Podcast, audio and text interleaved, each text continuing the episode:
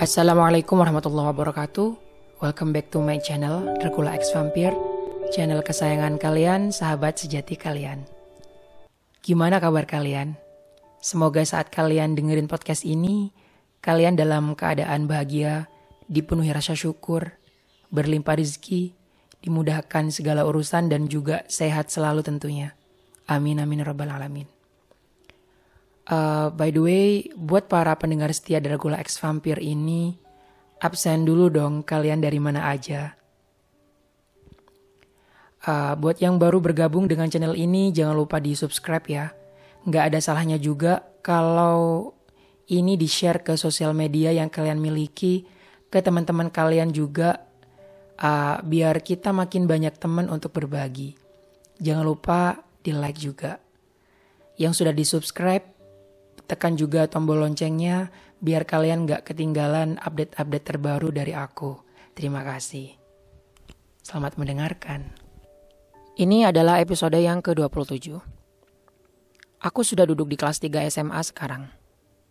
Kemarin pas kenaikan kelas nilaiku sangat baik sekali. Aku berada di posisi lima besar. Aku sekarang emang mau fokus belajar. Aku pengen nanti kuliahnya di luar negeri seperti para sepupuku dari bapakku. Ada rasa bangga saat aku memasuki tahun ketiga di asrama ini. Bukan karena bisa masuk lima besar saja, tapi aku tidak menyangka saja kalau aku akhirnya bisa melewati hari-hariku lebih bermakna. Aku bisa melewati godaan-godaan dan hasrat untuk tidak berbuat laknat itu lagi. Ini adalah salah satu life goalsku. Bagaimana dengan Adit? Hmm. Aku masih mencintainya. Dia juga mencintaiku. Tapi karena keduanya sama-sama gak ada yang berani untuk memulai. Ya gini deh jadinya. Benar ya, dalam hadis itu Rasulullah bersabda, Al-haya'u minal iman. Malu itu sebagian dari iman. Jadi, kalau kita ingin pengen berbuat maksiat, yang pertama kali kita lakukan dulu ya kita harus punya rasa malu dulu. Karena malu sebagian dari iman dan aku merasakan. Coba seandainya aku nggak malu untuk memulai sama Adit. Pasti udah berbuat maksiat kan. Begitu juga sebaliknya. Seandainya Adit nggak ada malu-malunya sama aku. Otomatis ya kita bakalan jadian deh sampai sekarang. Dan aku bersyukur.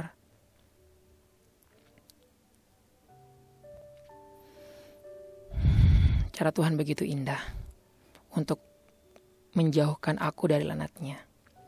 Lalu bagaimana dengan yoga? Entahlah ya, kemarin pas liburan kenaikan kelas aku coba inbox di FB-nya, tapi nggak aktif. BBM-nya juga nggak aktif. Dia seperti ditelan bumi. Aku tak tahu entah ke mana dia. Ya sudahlah, mudah-mudahan dia juga bisa menemukan titik terang. Doa terbaikku buat dia, karena bagaimanapun dia adalah orang yang pernah baik sama aku dan aku tidak akan pernah melupakan kebaikan-kebaikan yoga. Aku juga tidak akan pernah melupakan uh, kejahatanku, yeah. kejahatanku, kejahatanku sama dia. Terus bagaimana dengan cowok-cowok sekong yang ada di sini? Bagaimana dengan Zen, Jimmy, Ustadz Hasan, dan Furkon? Intinya cowok-cowok homo yang lain di asrama inilah ya. Uh, Aku nggak tahu juga gimana perkembangan perkembangan mereka. Yang jelas aku udah nggak pernah ngapa-ngapain setahun terakhir ini. Kalau Ustadz Hasan sekarang lagi kuliah di Yaman katanya. Hmm. Memasuki tengah semester ganjil, godaan itu ternyata datang lagi. Tapi dari orang yang berbeda. Namanya Dayat. Teman sebangkuku. Dia awalnya anak kelas reguler Entah mungkin karena nilainya udah standar di kelas tiganya, dia dipindah di kelasku, kelas excellent. Dad lebih tinggi, lebih tinggi dari aku. Nggak ganteng sih, tapi lumayan good looking. Dia punya senyum yang manis, ada lesung pipi, kemudian dia punya dagu yang runcing. Bisa bayangin nggak? Bisa? Oke, iya. Dia itu hitam manis. Agak kurus tapi hmm, entah kenapa ya, seiring berjalannya waktu, dalam tiga bulan terakhir ini, aku jadi sering deg-degan berada di samping dia. Duh, toksik apa lagi nih? Ditambah lagi Dayat juga semakin uh, hari semakin sering main ke kamar. Minjem buku, minjem file, minjem ya ada aja deh pokoknya. Pokoknya dia itu tiap ke kamar dia mau minjem-minjem. Yang jelas aku membacanya ini adalah intro buat PDKT berdasarkan pengalamanku sebelumnya. Tapi apakah Dayat juga homo kira-kira? Aku juga nggak tahu. Tapi pernah suatu ketika dia pegang-pegang lenganku, dia bilang, Anjir, lengan kamu gemoy banget. Sumpah lembut, empuk, kayak cewek. Bisa batal nih wudhu. Kalau, kalau, kalau pegang kamu. Gitu katanya. Oke, itu cuma bercanda. Tapi berawal dari candaan gini, aku yakin ntar ujung-ujungnya ya pasti ke arah situ.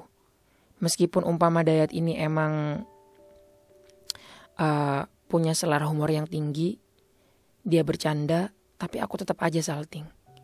Aku terus terang, aku senang dicandain model kayak gini. ya Tuhan, setan ini kok ada-ada aja ya cara godanya. Dan hari demi hari, Si Dayat makin aktif bun. Dia kalau ketemu aku di koridor sering banget tiba-tiba ngerangkul. Ya emang sih wajar ya. Kalau ada laki-laki ada cowok sama teman cowoknya itu sering ngerangkul gitu. Tapi aku kenapa jadi salting gini ya? Dan lama kelamaan sepertinya si Dayat tahu kalau aku salting. Dia juga deg-degan. Iya aku tahu kalau dia deg-degan. Hingga suatu malam karena keesokan harinya kami yang sebangku harus presentasi pakai bahasa Arab, kita belajar bareng di kamar. Sampai larut malam, sampai ketiduran di lantai. Dan tengah malam tiba-tiba aku terbangun. Karena tangan Dayat udah mendarat gitu aja di perutku. Bukan hanya mendarat, tapi juga muter-muter. iya, dia mengelus-ngelus perutku.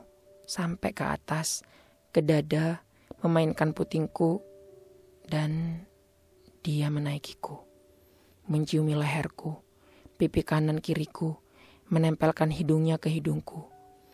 Aku tetap saja merem, pura-pura tidur.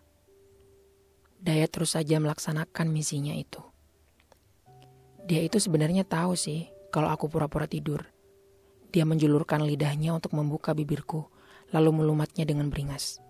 Aku yang tadinya pasif, kini mulai aktif, tak tahan dan tanpa dia suruh.